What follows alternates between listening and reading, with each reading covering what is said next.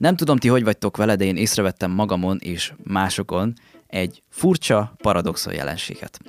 Vagy azért panaszkodunk, mert túl kevés a munkánk, vagy azért panaszkodunk, mert túl sok.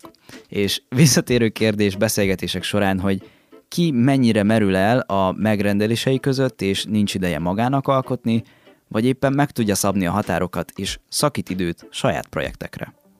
Picture Lock Mozgóképes utómunkában használt kifejezés, mely szerint nem lesz további vágásbeli módosítás. A file elnevezése gyakran vegyül a Final, V15 vagy most már ez kajak jó lesz kifejezésekkel, és ezek különféle kombinációival. A Picture Lock Podcast célja, hogy kivesézzen alkotással és mozgóképkészítéssel kapcsolatos kérdéseket. A házigazda Pusztai Lőrinc. Mindig nagyon jó érzés, ha megy a szekér, és egyik megkeresés után jön a másik, azonban szerintem fontos felülértékelni fix időközönként, hogy merre akarom a vállalkozásom vinni, és miért is csinálom ezt igazából. Talán a legjobb időköz a három hónap, ez már egy olyan időtáv, ami alatt tisztán látható, hogy bizonyos folyamatok mennyire működnek, és van még időnk amúgy változtatni, ha kell nem hiába dolgoznak amúgy a különböző nagyobb cégek is negyedéves távlatokra bontva. Én az alábbi szempontokat nézném meg meló elvállalás szempontjából. Az első az, hogy kényszer vagy személyes döntés, hogy ennyi melót válasz. Tehát kényszer lehet az, hogy családod van, és örülsz minden lehetőségnek, ami jön, hiszen simán lehet az, hogy két hétig semmit nem csinálsz, bulizol, meg úgy el vagy, aztán következő héten reggeltől estig tolnod kell a melót, mert így rád szakad mondjuk ilyen 6 hét. Hát igen, ez egy, ez egy ilyen dolog, érdemes ezt megpróbálni kicsit kontrollálni. Én erre megoldásként három dolgot mondanék. Az első az, hogy tudatosan építsd a kapcsolatrendszered, ismerkedj olyan ügyfelekkel, akikkel szívesen dolgoznál együtt, és ugyanez igaz más szakmabeliekre is, akikkel kölcsönösen be tudjátok vonni egymást projektekbe. Ez biztosíthatja azt, hogy legyenek melóid. Második, hogy kös hosszabb távú szerződéseket. Tudok olyan videós vállalkozásról, aki például egyéves együttműködésben van cégekkel, ami azt jelenti, hogy visszatérően kell tartalom például social médiára, akkor egy előre meghatározott tartalom mennyiségért tudsz számolni fix bevétellel, és akkor a cég fizet fixen egy, egy összeget, vagy a megállapodás szerint egy bizonyos összeget, te pedig egy fix videó mennyiséget átadsz. Ezt hívják amúgy retainer szerződésnek. Azonban előfordul gyakran, hogy olyan dolgot csinálsz, ami csak egyszeri vagy néhai alkalom. Ez például lehet esküvő, rendezvény, stb. azokból általában nem szokott több lenni. Mondjuk nekem van olyan esküvő videós ismerősöm, aki ugyanannak a mennyasszonynak már több esküvét is vette fel. Na mindegy, az ilyen típusú visszatérő kliensek is tök jók.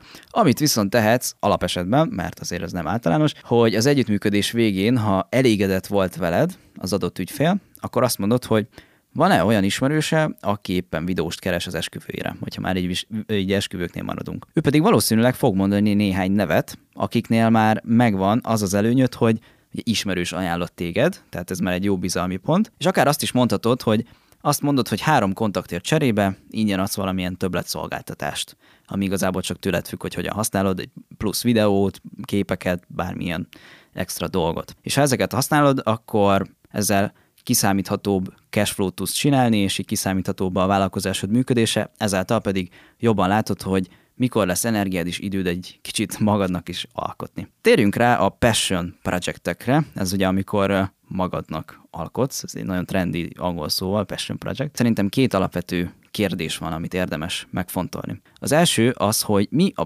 passion projectnek a célja, a második pedig az, hogy maga a mérete, magyarán, hogy nyilván, hogy mekkora meló, ez valójában, me- mekkora meló ezt elkészíteni. Egy passion projectnél ugye nincsenek szabályok, nincs külső ember, nincs ügyfél, aki így beleszólna, hogy mi hogy legyen, mit hogy csinálj, te vagy a nagyfőnök. Ilyenkor viszont érdemes szerintem keverni a hasznosat a szükségessel, tehát amellett, hogy alkotsz, csinálhatsz valami olyasmit, ami karrier szempontból is egyértelműen előre visz. Tehát a portfóliódban nem egy olyan szerepet tölt be, hogy eddig ezeket csináltam, hanem egy olyat, hogy ezeket akarom csinálni a jövőben, hogy ez így érthető. Mondok egy példát. Én szeretnék a jövőben játékfilmekben dolgozni operatőrként vagy rendezőként, és az, hogy valaki saját filmet csinálhat, az egy elég nagy kiváltság, mert nagyon összetett a folyamat, és legtöbb esetben ehhez külső anyagi támogatásra van szükség, ami szinte biztosan nem fog megtérülni, legalábbis ha nem Amerikában élsz és egy nagy szuperprodukcióba vagy, akkor, akkor nem fog, vagy hogyha iszonyatosan kevésből forgatsz, akkor még megtérülhet esetleg, de az a ritkább. És akkor még nem is beszéltünk arról, hogy nem két hét felszedni azt a tapasztalatod,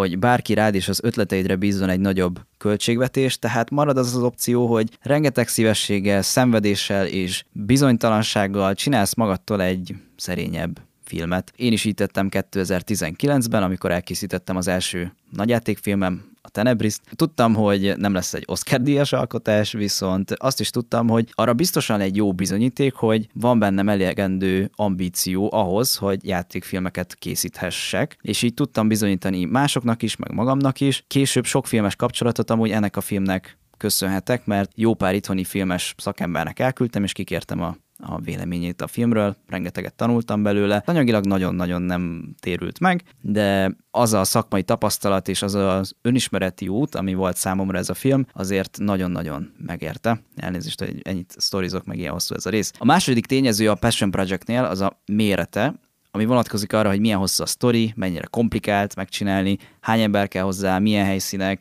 felszerelés, ruha, kellékek, stb. stb. Ilyenkor lehet rájössz, hogy van egy határ, ami már nem éri meg túllőni, és érdemesebb beírni a szimpla nagyon jóval az Uber királyfaszaság helyett. Megint csak a filmemet hozom példának. Az első jelenetet egy erdőben vettük fel este, és szerettem volna hasonló világítást, mint amihez hozzászokhattunk filmekben, amikor nézünk Netflixen egy filmet, vagy moziban, tehát bármilyen, mondjuk úgy, hogy profi produkciókban megszokott látvány, vagy ami arra hajaz. Na most nagy teljesítményű lámpaim nem voltak.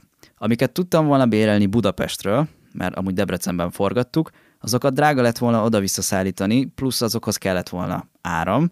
Az erdőben viszont nem volt áramunk, bármilyen meglepő, ezért kellett volna egy agregátor, ami viszont megint csak plusz pénz, plusz elég zajos, és szétcseszte volna a felvételek hangját, és akkor utólag utószinkron, meg utólag kellett volna sound design csinálni, meg mindenféle ilyen extraság. Szóval nagyon sok gond volt ezzel, és produkció arányosan ez egy túl költséges és macerás dolog lett volna, és nem is lett volna annyival jobb végeredménye, ezért maradtunk az alaptervnél. Tehát az én akkori olcsó letfényeim mellett bevilágítva a jelenet, ami sok sebből vérzett, de laikusok többségének ezek a hibák nem igazán tűntek fel.